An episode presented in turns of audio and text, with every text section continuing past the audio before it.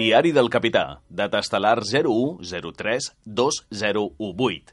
La tripulació dels apunts a la, per a la fi del món segueix el seu viatge estel·lar en una nau que cau a trossos i carregada amb tots els llibres que s'havien de salvar abans el món s'acabi. Fa pocs dies hem coincidit amb una nau espacial dels patinians.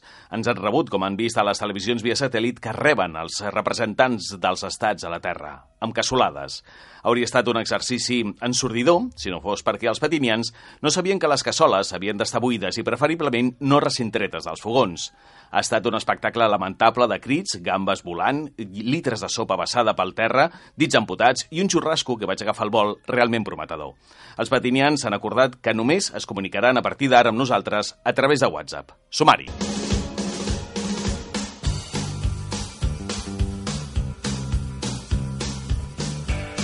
Quart viatge i venim carregat de noms importants. Per començar, ens anem d'aniversari perquè 40 anys no se celebren cada dia. El jueves arriba aquesta xifra i volem parlar amb el seu director, Guillermo Martínez Vela, perquè ens expliqui com ho pensen celebrar.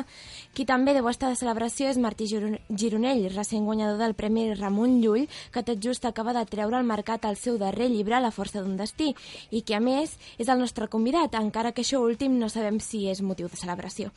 I no s'acaba aquí. El nou Festival de Gènere Gran Negre a Lloret, la censura exitosa de Farinya, el cinema, les novetats, editorials i, com sempre, ja sabem que no ens donarà temps a fer-ho tot. I per espai... A, a punts per a la fi del món! Vi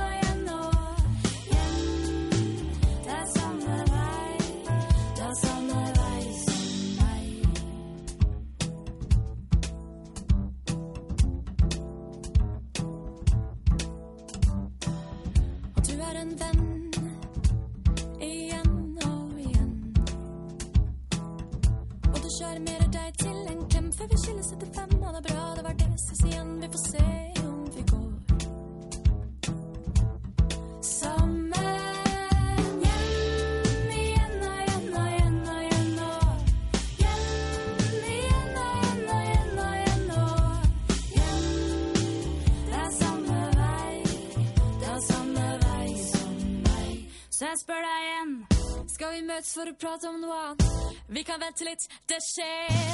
Trenger ikke være noe mer. Vi kan snakke om en annen planet. Eller noe enda mer konkret. Vi kan spise litt pad thai. Og jeg liker deg, og du liker meg.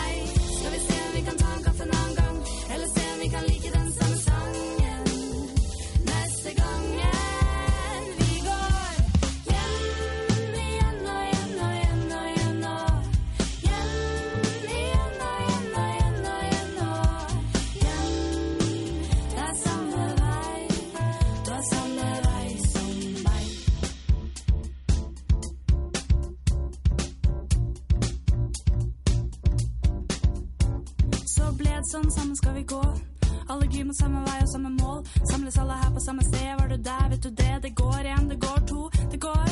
Noen tar et stikk, stjeler noen andre smykk og prater litt om par og sånn. Alle manner drar til nye steder. Ingen andre lever like godt som det du gjør når du gjør ting du ikke bør. Så jeg spør deg igjen. Skal vi møtes for å prate om noe annet? Vi kan vente litt, det skjer. Trenger ikke være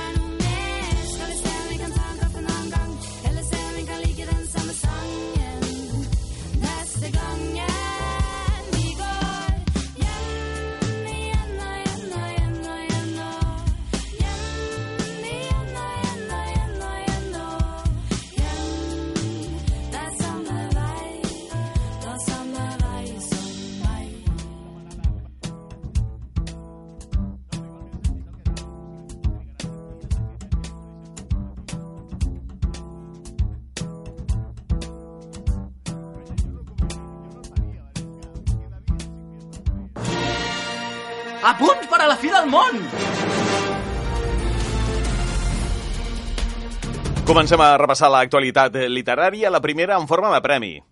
Raül Garrigasait ha guanyat aquest divendres el Premi Òmnium a la millor novel·la en llengua catalana de l'any amb Els estranys, una obra sobre la perplexitat, sobre la mirada d'un estrany i l'amistat en temps revolucionaris en la qual els personatges intenten viure entre ide- ideologies, poder i els plaers de la vida, segons va expressar l'autor durant la recollida del guardó que va otorgar el, president, el vicepresident d'Òmnium Cultural, Marcel Mauri. Segons el propi autor, és una història sobre l'amistat en temps convulsos, sobre la perplexitat, sobre la mirada d'un estranger, tot i que és una novel·la que també parla dels nostres dilemes d'avui. La lluita del jove protagonista ha sorprès el jurat d'una forma evocadora i amb extrema estilització, segons la professora de la Universitat de València, Carme Gregori, que ha qualificat d'arquitectura perfecta l'obra de l'escriptor. És, és més aviat eh, això, una mirada des d'avui sobre un conflicte del passat que en certa manera perdura, que en certa manera eh, encara portem a dins, perquè de fet jo entenc el- els carlins com una, una revolta visceral, de vegades molt poc raonada, contra la- l'arribada de la modernitat. Com un, com un, eh, o sigui, els carlins, la primera guerra carlina són els dolors de part de, de la modernitat, per mi.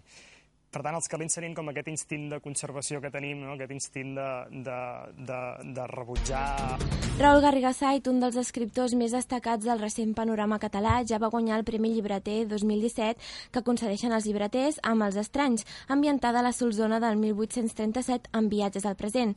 Aquest Premi Òmnium està dotat amb 20.000 euros i amb més de 5.000 euros per l'editorial que el publica en català, edicions 1984, per a la seva tasca a la promoció dels últims mesos.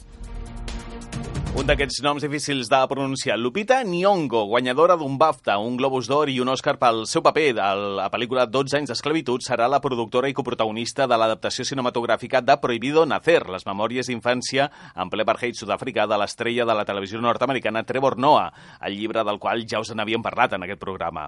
L'any passat, Lucky Books va publicar l'edició en castellà de Prohibido Nacer amb gran èxit de crítica i públic que el va convertir en el llibre de memòries del 2017. A més de produir-la, Lupita Nyong'o també interpretarà el paper de Patricia Noah, la mare de Trevor, una figura essencial per al còmic i autor durant la seva infància i adolescència. La filial nord-americana de Random House ha anunciat la publicació de la seqüela de les memòries de Trevor Noah per a novembre d'aquest any, després de 26 setmanes a la llista dels més venuts i un èxit absolut de crítica. L'any 1962, la Biblioteca Pública de Gandia va prestar a una persona, la identitat de la qual es desconeix, una novel·la d'aventures titulada L'Odissea d'Ulisses, de la qual és l'autor Eliezer MacLean. Molts anys després, al 2003, es van treure a la biblioteca de Beniopa, també de Gandia, un, una altra novel·la juvenil, El veí, escrita per R.S. Stine. Ni un ni l'altre llibre van tornar als seus llocs en el termini corresponent, però vet aquí la sorpresa. Dilluns passat, de manera misteriosa, algú va retornar els dos exemplars. Han passat 56 i 15 anys.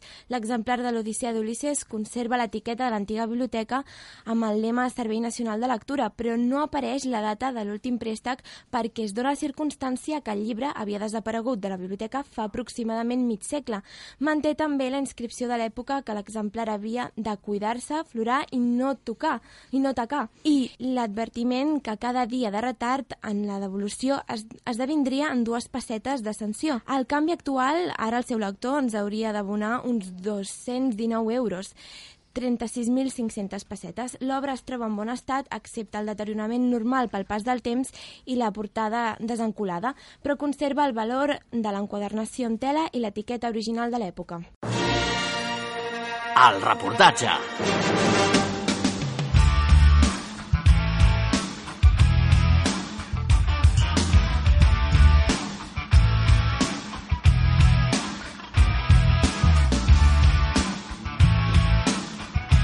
Parada intergalàctica per posar benzina, hem parat a la benzinera especial ens hem trobat amb la típica parada de revistes i hem pensat que un programa de llibres per dir de còmics ja és estrany, però que ho faci d'una revista ja trenca tots els cànons preestablerts, així que no hem pogut evitar fer-ho. L'interviu ens ha agafat tard, així que hem anat a la que possiblement és la revista més veterana del mercat, El Jueves, el setmanari va sortir per primera vegada el 27 de maig de 1977. Costava 25 pessetes i la voluntat.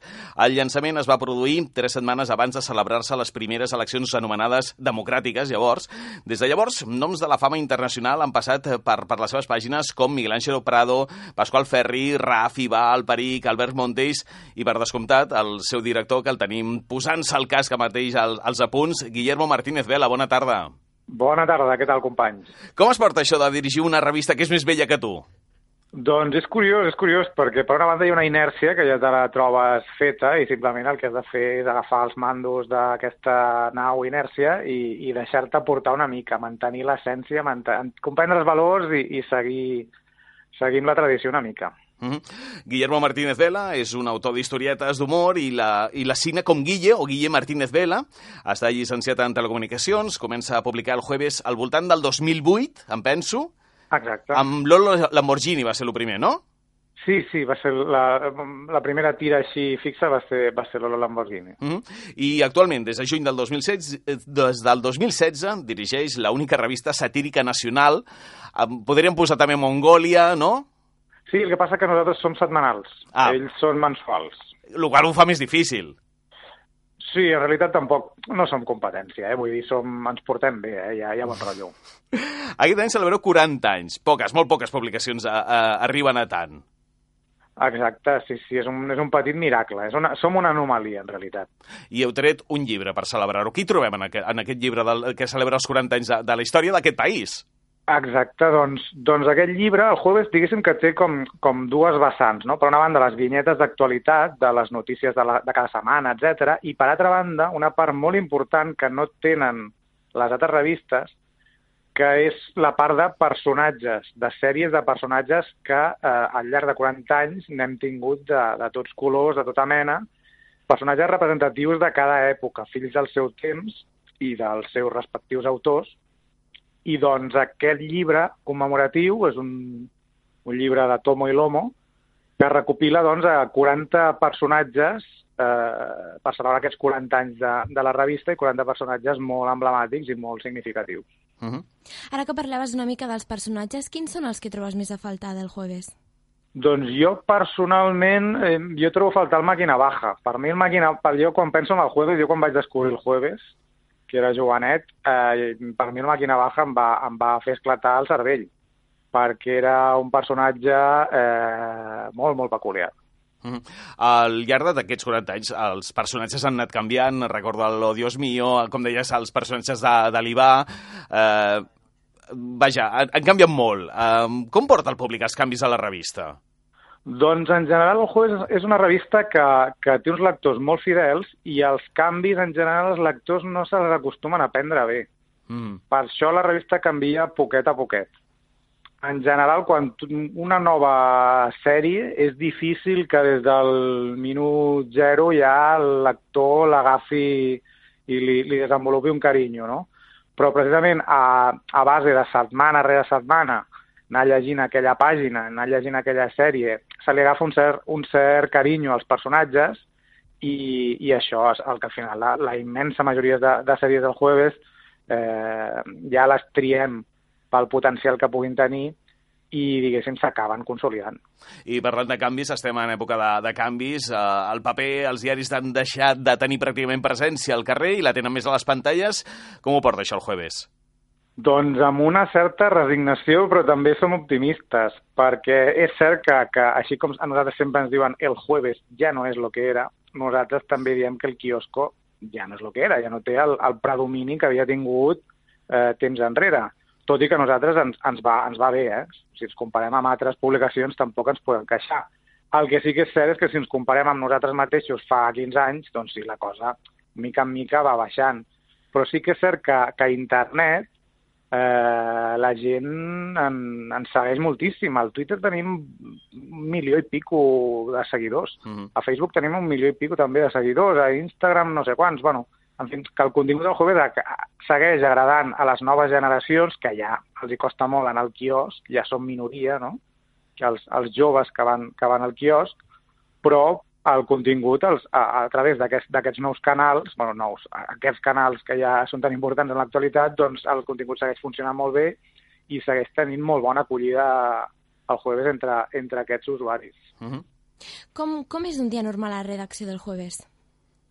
Doncs, bàsicament, és, és un lloc bastant tranquil. De fet, molts cops, quan algú ens visita de fora, es fa com un, té unes expectatives que no sempre es compleixen. Hi ha algú abans del dia de tancament o ho deixeu tot per l'últim dia? Mm, home, el dia de tancament és el dia més intens. I quan s'acaba de rebre tot, s'acaba de dibuixar segons quines coses d'actualitat, etc. El, el dia, de fet, és un dia, una jornada, pràcticament. Són, dos, són com dues jornades eh, seguides. I el, el, un altre dia mm, important és dimecres, que ens reunim per decidir, per planificar una mica els temes que tocarem la setmana vinent, etc. També és cert que, com que últimament l'actualitat, diguéssim, eh, perquè el ritme de l'actualitat el marca internet, no el marca la premsa diària, doncs molt sovint els temes que decidim dimecres eh, en acabat d'un parell de dies ja, ja han caducat i hem de buscar noves coses, ens hem, ens hem d'adaptar a aquests temps i molts cops fins al, al dia de tancament no tenim la portada definitiva. Uh -huh. Vull dir, abans es, el jueves es fèiem una tranquil·litat i una patxorra que, que ara mateix no ens la podem permetre. Ja porteu més, que, més temps que la dictadura del Franco. En aquestes quatre dècades la revista ha sobreviscut a amenaces, denúncies, polèmiques. Estem en època de censures. Tenim el cas de Farinya, l'exposició d'Arco, el, el rapero mallorquí. Eh, fa poc tu mateix tenies una imputació per el titular fals aquell de la contínua presència d'antidisturbios acaba con las reservas de cocaïna en Catalunya. Anem cap enrere? Jo crec que ara mateix sí.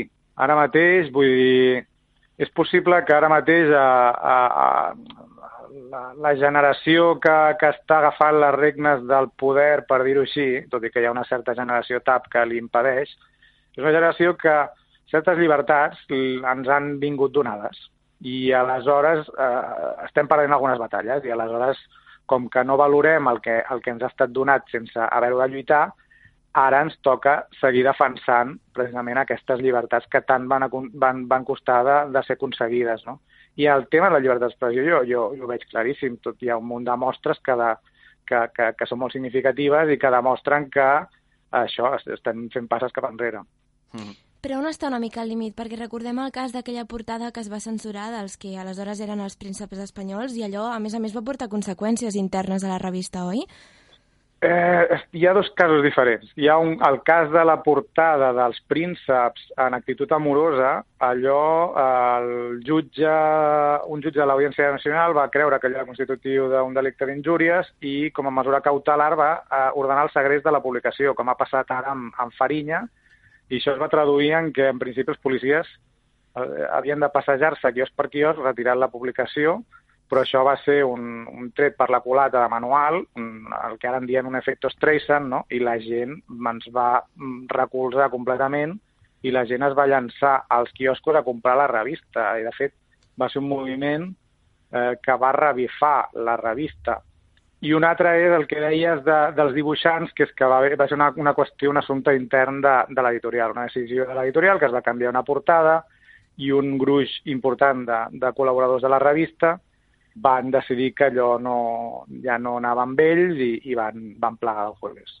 Per la part... De... Uh, No, no, No, digues, digues. et volia dir, la part aquesta de la prohibició, igual que ha passat amb Farinya, s'acaben convertint en campanyes de màrqueting impagables. Exactament, exactament. Mol, mol, mol, molts cops ens diuen, ah, jo, això ja ho, ja ho havíeu buscat, eh? I, home, no, no, perquè mm, si no ho faríem més. No és una cosa que tampoc... Eh, nosaltres tampoc busquem l'escàndol, eh, vull dir, nosaltres fem el nostre humor, que hi ha gent que li escandalitza, hi ha gent que no, els nostres lectors ens entenen i en general entenen el codi i els registres humorístics en els quals, en els quals ens movem i fem la nostra feina i ja està. Mhm. Aquest any hem vist una de les poques eh, portades serioses del Jueves amb l'atemptat a Barcelona, eh, una cosa que Charlie Hebdo no hauria fet mai. Sí, bueno, de fet, el jueves, en, en matèria de, de desgràcies i tragèdies de com, com, com aquesta, sempre, sempre fem, diguéssim, humor eh, una mica de dol. Això tant amb el terrorisme d'ETA com el terrorisme eh, jihadista, etc. nosaltres ha, hi ha dies que no pots fer humor de fer risa, no? I aquesta portada s'inscriu en, en aquesta tradició. Mhm. 27 de maig d'aquest 2018 seran 41 anys. Espero que el celebreu igual de bé, o millor fins i tot que aquests 40. Guillermo Martínez Vela, director del Jueves, moltes gràcies per pujar a la nau dels apunts. Moltes gràcies a vosaltres. T'acompanyem a l'escotilla, un plaer. Gràcies.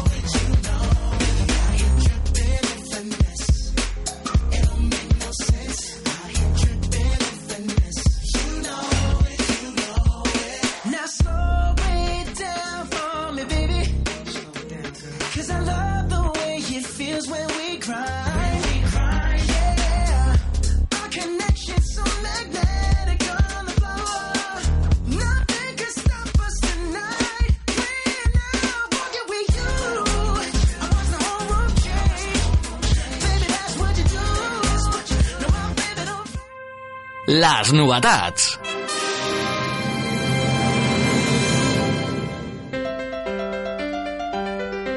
Aquesta setmana les novetats ens porten eh, fins a Praga, el llibre L'amic de Praga, Joan Manuel Soldevila ens en parla, doncs, la Sara Sobrevals. Doncs Joan Manel Soldevilla, conegut per escriure sobre TVOs, especialment els de Tintín, s'ha estrenat al món de la novel·la amb l'amic de Praga. Aquest llibre ens explica l'amistat entre František Kriegel i Jaume Ministral, els protagonistes, que es van conèixer durant la Guerra Civil Espanyola. La vida els separa i els porta a Xangai, Barcelona, Praga, l'Havana, Girona o Moscou. I finalment, una casualitat fa que reprenguin l'amistat, tot i que s'han d'afrontar un munt de dificultats. Aquesta història ens permet conèixer les figures de František Kriegel, metge comunista txec, i Jaume Ministral, escriptor i mestre català, i també aconsegueix retratar les condicions socials i polítiques de les diferents èpoques plasmades a la novel·la. Joan Manuel Soldevilla fa que el lector apreciï els protagonistes que descobrim la figura del català Jaume Ministral oblidada injustament per la majoria de la societat catalana. Al llarg de la novel·la es combinen documents reals i de ficció aconseguint un relat que balla entre la narrativa històrica i d'investigació.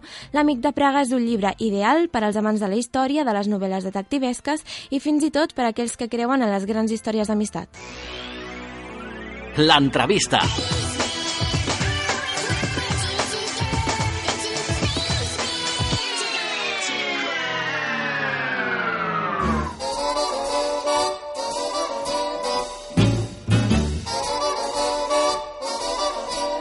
Like the wallpaper sticks to the wall.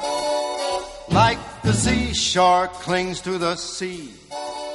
Like Per començar aquesta entrevista estàvem pensant si posar la música de La Fuerza del Destino de, de Mecano per la semblança amb el títol del llibre del que anem a parlar, però estem convençuts que el que millor li encaixaria és una de les cançons de Sinatra. La força d'un destí, que dit a columna, ens explica la vida de Jean León. Per molts un desconegut, per molts una marca d'una ampolla de vi, però explicar la vida de Jean León és com explicar la vida del Hollywood clàssic. Martí Gironell ens torna a fer viatjar en el temps, però en aquesta ocasió no tan lluny i fugint de la novel·la històrica ens presenta una novel·la biogràfica. Martí Gironell, bona tarda. Què tal? Bona tarda, Raül. Com vas arribar al personatge i a interessar-te per, per, per aquest personatge, per en Jean León? Doncs mira, precisament pel que deies tu, per la història que hi havia darrere aquesta marca. En un dinar que ens van convidar una colla d'escriptors, ens van posar al vell mig de la taula una ampolla de Jean León i ens van dir eh, que més enllà d'aquella etiqueta on apareixia el nom i també la figura d'aquesta persona, hi havia una història per explicar tant fos en forma de novel·la com d'argument de teatre, o d'obra de teatre, o de pel·lícula, perquè realment la història de Ceferino Carrión, que és com es deia abans d'arribar a convertir-se en Jean León, és això, és una història de pel·lícula d'un self-made man, d'un home fet a si mateix, d'una persona que durant els anys 50 decideix fugir d'aquesta Espanya eh, grisa, immersa en el franquisme, on una persona jove amb inquietuds doncs, veu que no té cap futur aquí i per tant decideix això, apostar pels seus somnis, creure-se'ls i eh, anar-se'n primer direcció França i des de França cap a Amèrica per fer això, per fer realitat el seu somni americà, podríem dir, i sempre tocant de peus a terra,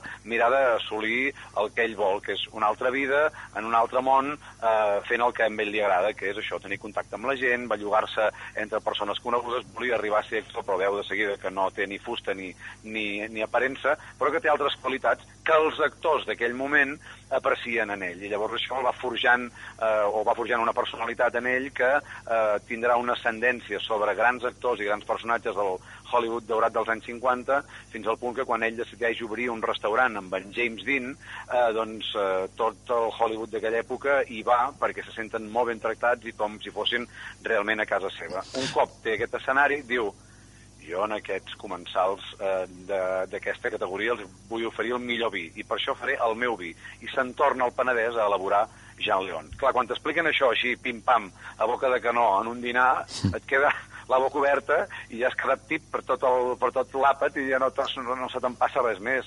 I tens ganes de voler abocar-te eh, eh, darrere aquesta història i escriure-la eh, en format eh, bueno, novel·la, no? que és el que, el que tens a les mans amb la força d'un destí. De fet, tu més d'una vegada has afirmat que per treballar en una novel·la agafes un personatge, t'enamores d'ell i comences a investigar-lo.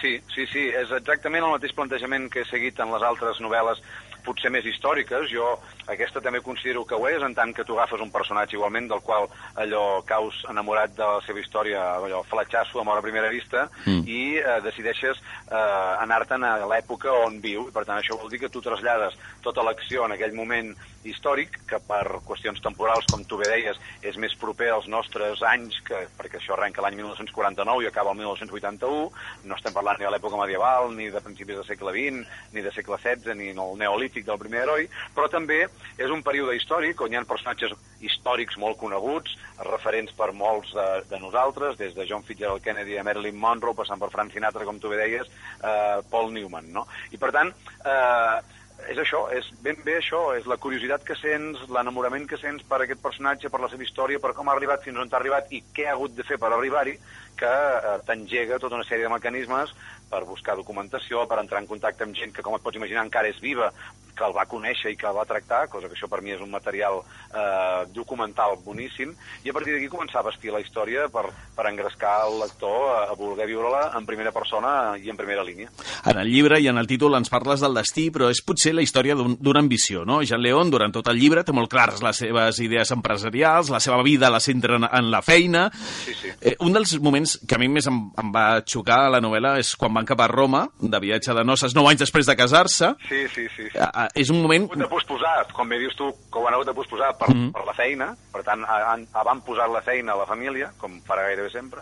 I digues, digues, digues. No, això, eh, i, i, i llavors li explica a la seva dona qui és realment ell, però això, nou anys després. Sí, sí, sí. Que, que dius, ostres, hasta aquesta dona està casada amb un complet desconegut. Clar, doncs tu imagina't eh, posar-te en la pell de la Katie, que és la seva dona, eh, durant 22 anys, per això hi ha un capítol que està dedicat a ella i, i tot el que ella sent, veu i, i, i pateix al costat d'aquest home, però, tot i que també al principi ho viu i ho gaudeix i, i, i realment li agrada tot el que viu i el que fa, que és sobretot els inicis de, de la creació de l'escala i tot plegat, i del, del primer fill i, del segon, i de la Gigi, la, la, la nena, però clar, quan l'any 62 quan estan anant cap a Roma perquè l'Elizabeth Taylor els ha convidat eh, al rodatge de la segona part de Cleopatra, la primera part es va rodar a Londres, però la segona cap a Roma, passant per, per sobrevolant Espanya, doncs amb ell li ve com un atac de nostàlgia i, i això, tal com bé tu dius, li, li explica, al cap de molts anys de, de conèixer i d'haver-se casat, que ell realment té una família a Espanya, té un passat a Espanya, té una família a Barcelona, eh, vaja, i clar, que... I tu hi has parlat amb la, amb la família. No, no, evidentment, quan li... Quan I, I com et parlen d'ell? Home, la, família, eh, jo amb qui he tingut més contactes amb la seva germana, amb la Chiqui, amb l'Anna, que surt a la novel·la, que és amb qui sempre va tenir més, més confidències i més connexió. Eh, ella, evidentment, tenia el seu germà en un pedestal, tot i que li va criticar molt que eh, desapareixés i no donés senyals de vida. No? Fins i tot la seva mare eh, feia dir una missa cada any pensant-se que era mort el seu fill. Això no surt a, a la novel·la així dit d'aquesta manera, però eh, ella ho diu, no? Dius que, clar, et donaven per mort, no havies donat senyals de vida. Eh, ja està bé, li fot un escàndol i, i, i, i li estira les orelles, però clar, llavors I ella m'ho diu, jo sempre l'he admirat perquè trobo que en aquella època fer el que va fer i aconseguir el que va aconseguir té molt mèrit. Evidentment que va haver de pagar molts peatges, el més car és això, el sacrifici de la família, tant la, la família de Barcelona com la família que va crear a Los Angeles, no? la dona i els fills, però jo recordo que quan vaig haver escrit bona part de la novel·la i li vaig passar a l'Anna, li vaig dir, tu el veus aquí en Fefe? Tu el veus, en Jan? Em va dir, sí, sí, diu, és, que és com si el tingués aquí, és com si el, senti, com si el sentís parlar, no? Clar, quan eh, una persona així, que l'ha viscut tan de prop, eh, diu que és com si el veiés, doncs a tu això... T'infla. Eh, sí, i et dona confiança per continuar endavant, no? Mhm. També he pogut parlar amb el seu fill, que el seu fill, malgrat que viu a Tailàndia, eh, viatja sovint a Europa i, i para bastant per aquí a Barcelona i, i l'he conegut i ens hem pogut parlar.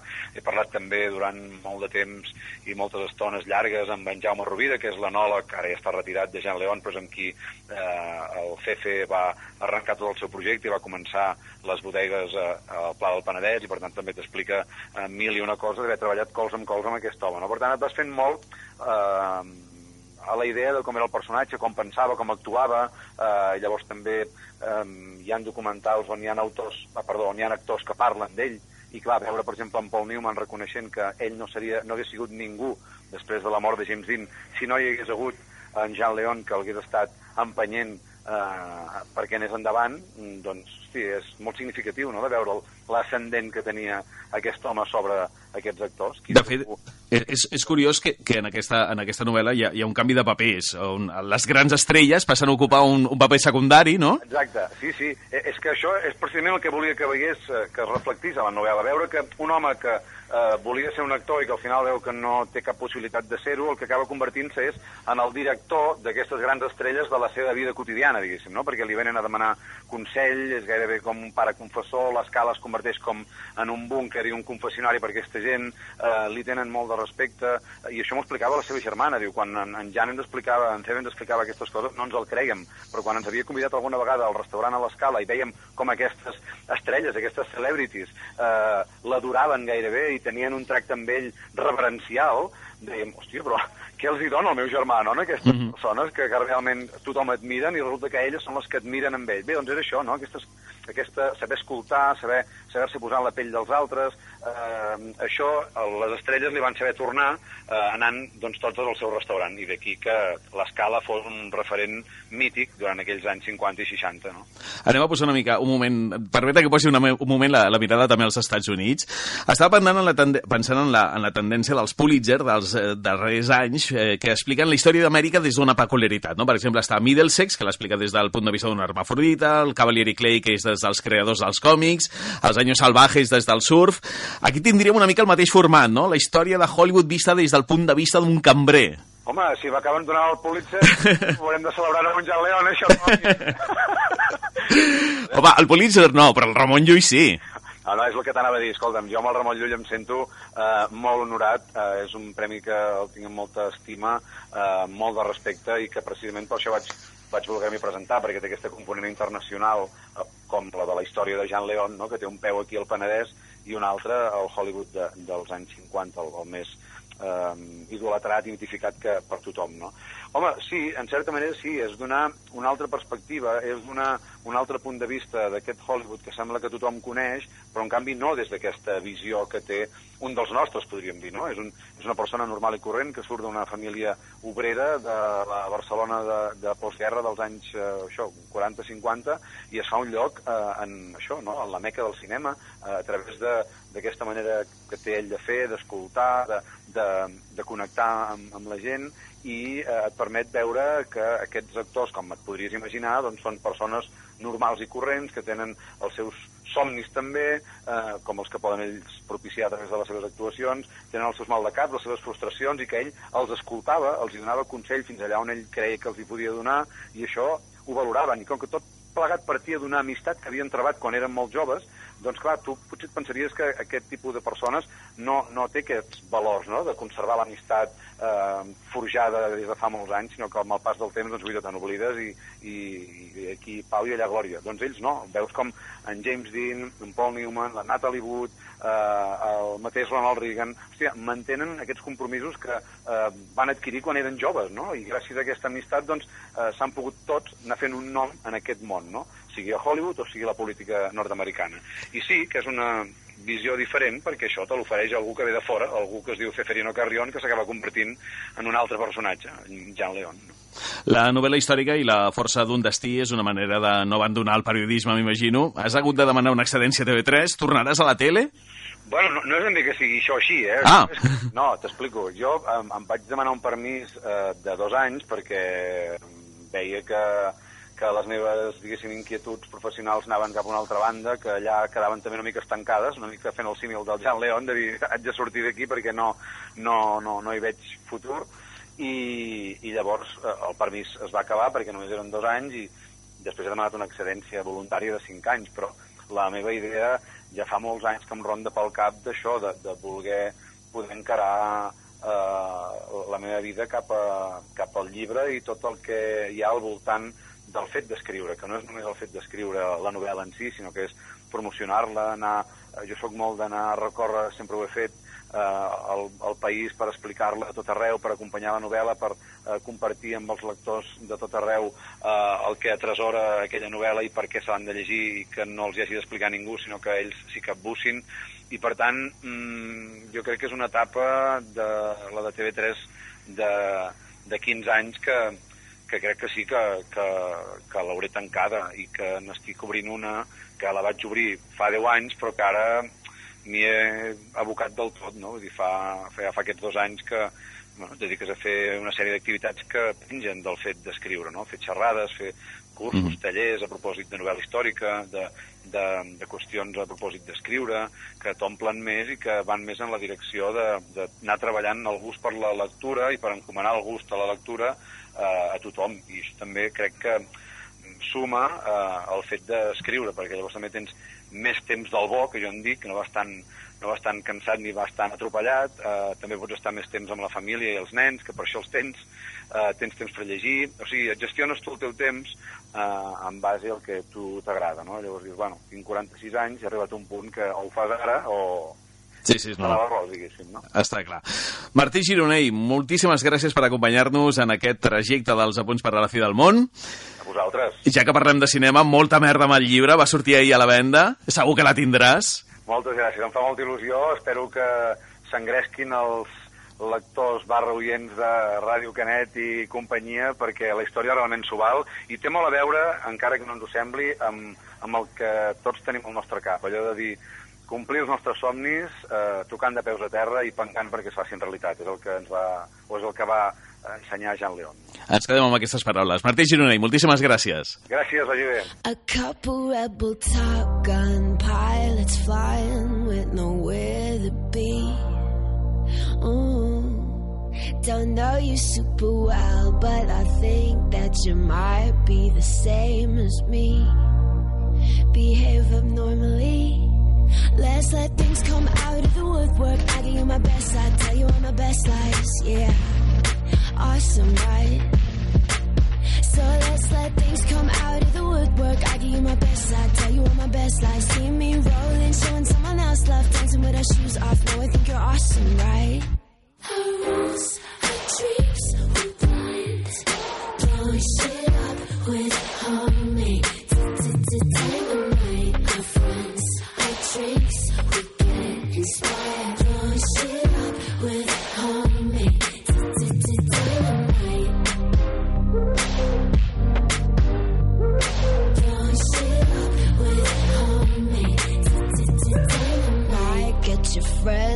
drive, but he can hardly see.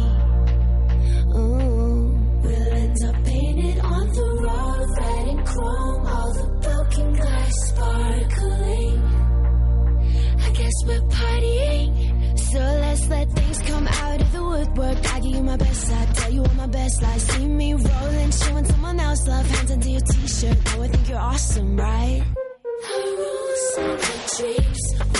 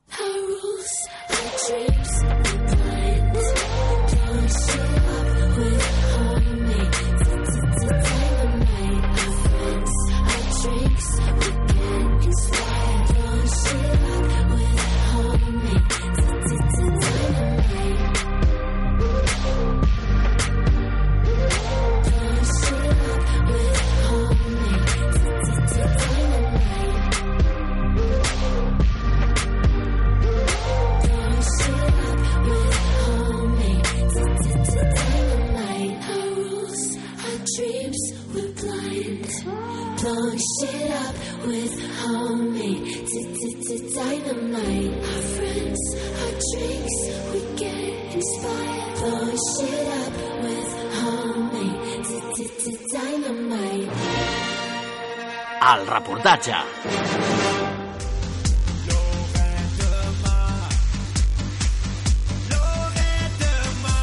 déu nhi la cançó.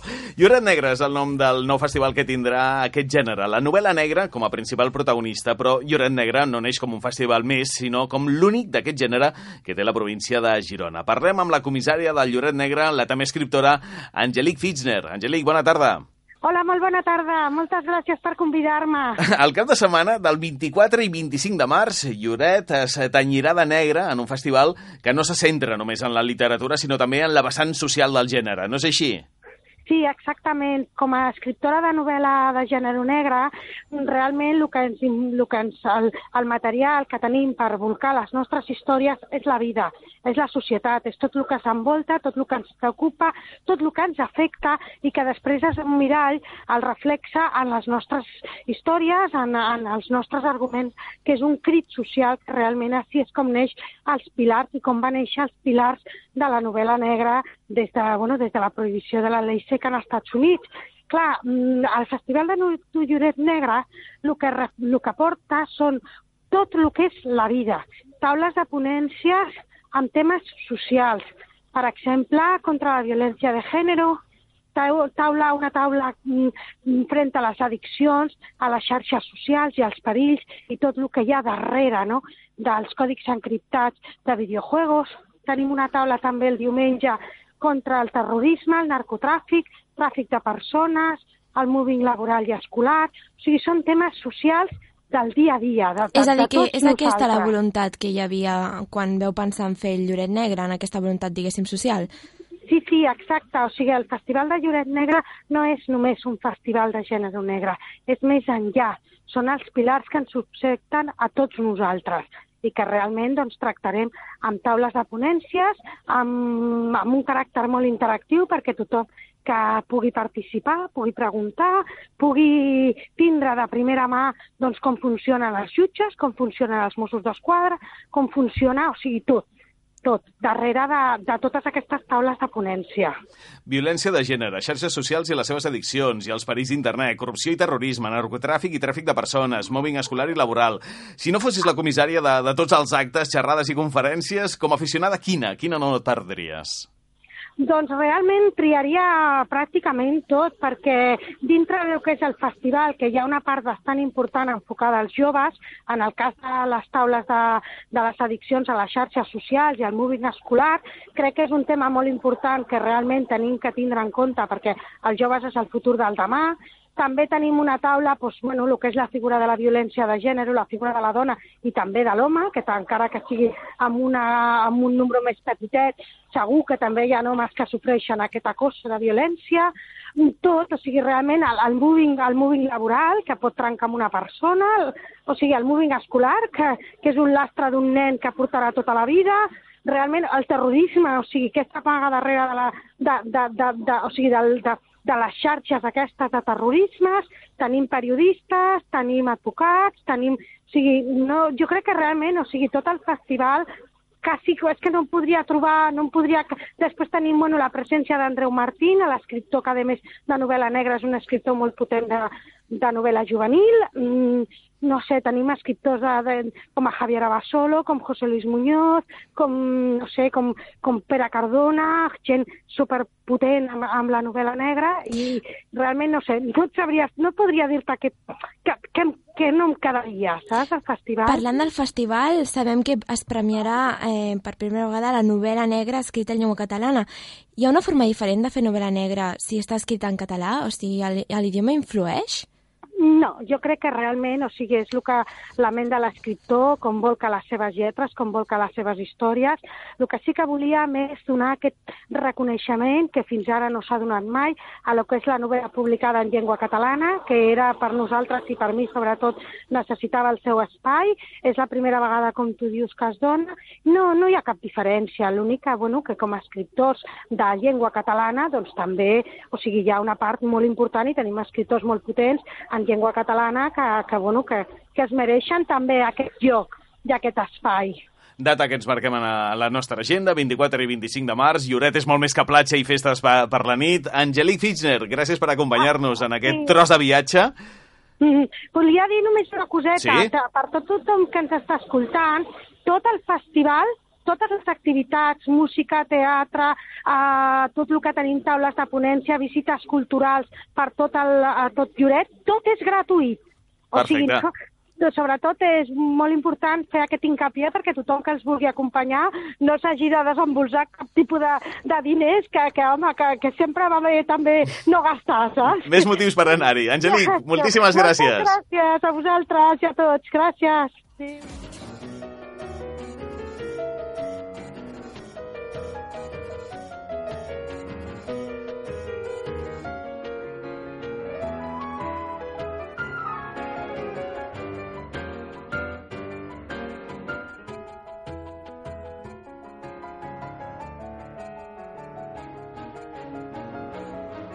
Moment per parlar de les estrenes cinematogràfiques relacionades amb la literatura. Aquesta setmana en tenim tres, molt a comparar, em sembla. I per descomptat, la nostra crítica de cinema, la Mireia González. Bona tarda. Bona tarda. Fem clicar a la claqueta, ja que acabem de parlar de literatura negra, una mostra del gènere, amb l'estupenda Jennifer Lawrence. És aquesta, Gorrión Rojo. Buenos días, mamá. ¿Te ocurre algo? Debo irme un tiempo.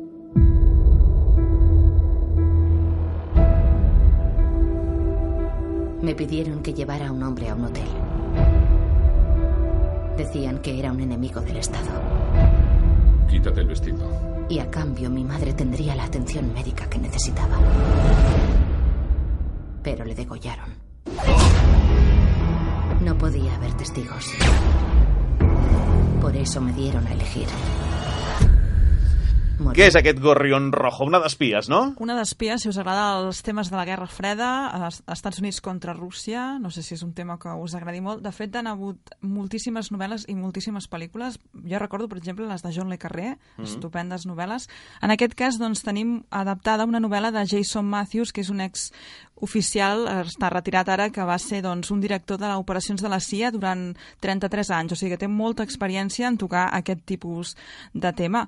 Doncs tenim una protagonista que s'anomena el Pardal Vermell, un nom bastant curiós per anomenar doncs, una dona molt atractiva que està ensinistrada pel Servei de Seguretat rus i el seu objectiu és un funcionari de la CIA que dirigeix la infiltració més confidencial de l'agència de la intel·ligència russa, és a dir, que l'ha de seduir per conèixer doncs, a qui t'ha infiltrat no? en, aquest, en, aquest, en aquest punt de, doncs, dels serveis secrets russos. És I molt més, interessant. I a més amb la Jennifer Lawrence, sí. que sempre és un atractiu, encara que jo sempre li trobo aquesta cara de pansa, però Eh, és, és sí. un atractiu. Què dius? Jennifer Lawrence. No! Val, A mi ets molt fan de los Juegos del Hambre, no? No, però a mi em va agradar una altra, que era d'ella també. Winter's Bone? No. Aquesta és, eh, si, si no t'agrada ella, te la recomano moltíssim. Winter's Aquesta l'he vista, aquesta l'he vista. Està és molt, fantàstic. molt sèria, aquella pel·lícula. Molt, Sí, és molt dura. Molt lenta, molt... Sí. Sí, sí, sí. sí. Però fa un paperàs. És de les Eh, poques sí. pel·lícules que pots dir, ostres, quin paperàs. Bé, I aquella que va estar... Uh, que va guanyar l'Oscar? No, per qui no va guanyar l'Oscar? Uh, va guanyar l'Oscar per Les coses buenas. Això, Això. eh? Aquesta és la que m'agrada. Em vaig a dormir. Què dius? No ens posarem mai Vaig a d'acord. dormir. Anem a una altra. L'altra Doncs de la bé. que ens parles té, com a mínim, bons ingredients. El Sí. protagonista és el de Breaking Bad. Sí, Eh, el Brian Cranston es diu La última bandera, és un thriller nord-americà. Anem a escoltar com sona? Sí, per Vinga. ¿Sabes qué me alucina de ti? No lo sé, soy bastante alucinante. Le dejas las llaves de tu bar a un tío dormido sobre la mesa de billar. Ya. Te subes a tu coche, me llevas al quinto pino y no sabes ni a dónde vamos. Hacéos la pregunta. ¿Estoy dispuesto a rendirme a Dios? ¿Qué coño ha sido de Müller el machaca? ¿Bebedor empedernido o jugador?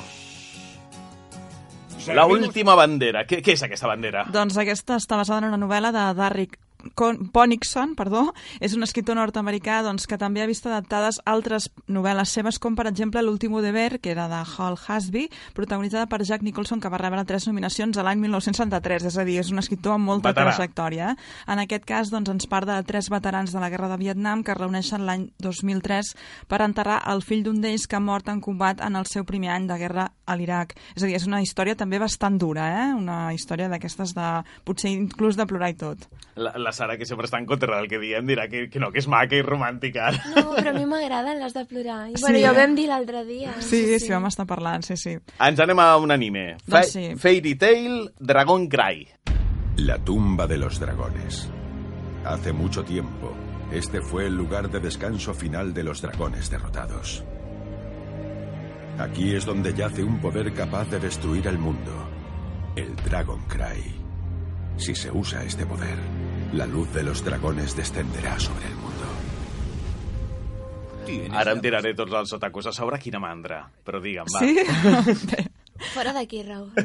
Ja sabia. Fora So, d'aquí. so, ets fan del manga, també, oi? Ah, bé, no, no, no molt, molt, molt, però sí, m'agrada. Hi han propostes interessants. En aquest cas, doncs, es tracta d'un manga de Hiro Mashima, que és un autor conegut per ser el creador del manga Rabe Master, que el va fer quan tenia només 21 anys. Per això ja tenim una mica d'admiració, no? És un noi molt jove.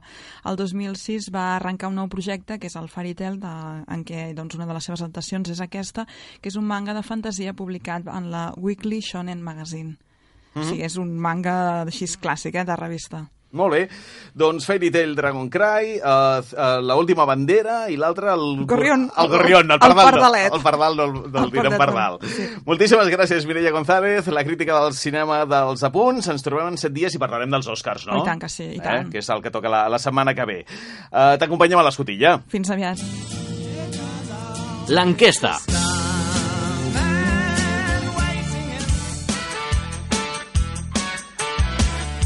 A l'enquesta d'aquesta setmana us preguntàvem a les xarxes socials a quina saga distòpica us agradaria viure. A Twitter tenim un empat. El 50% prefereix Ready Player One i l'altre 50% es decanta per El Corredor del Laberinto. Les fantasies de los Juegos del Hambre no han tingut cap vot i tampoc es parla de fantasies distòpiques com Fahrenheit 451, Un Mundo Feliz i tantes, tantes altres. I a Facebook la cosa ha estat molt més clara, ja que tots els vots han anat per Ready Player One. No sé si el fet de veure mm, les pel·lícules i com podria ser mm, dura la vida en aquests mons ha tingut alguna cosa a veure, així que ens hauríem d'esperar que facin una pel·li de Spielberg a veure si canvia el vot. Anem a fer la pregunta de, de la setmana. Acabem aquest mes de febrer, el mes de cur, més curt del calendari, així que parlem de mides. Llibres curts o llibres llargs? Preferiu una trama complicada que us atrapi durant molt de temps? Anar-lo llegint allò de mica en mica? O una cosa més curteta, d'aquestes de poques hores, pocs dies? Vosaltres què en penseu? Jo depèn, depèn del moment. A vegades penso una cosa més ràpida, així és més... A l'estiu els llibres llargs s'agraeixen, sí, eh, però depèn. Si tens molta, molt de temps, sí, i si no, doncs un, un llibre de relats per mi també és perfecte. la senyora de la contra. I a mi m'agraden molt els llibres llargs. De Els fet, el més llarg que m'he llegit és It i m'agrada moltíssim, sí, sí. Doncs aquesta és la pregunta, així de senzilla. Llibres llargs o llibres curts? Ens podeu respondre a través de Facebook, a la pàgina Punts per a la fi del món, al Twitter, a Punts FM i també a WhatsApp, que ja en tenim, al mòbil 660 89 61 50, 660 89 61 50 i podeu dir la vostra. I fins aquí, aquest quart viatge dels apunts per a la fi del món. El trajecte està possible gràcies al Carles Lucas jugant a l'asteroid, de la Sara Sobrevals fent el buqui i qui capitaneja tot plegat Raül Garreta. Tornem la setmana que ve ocupant algunes zones per l'espai.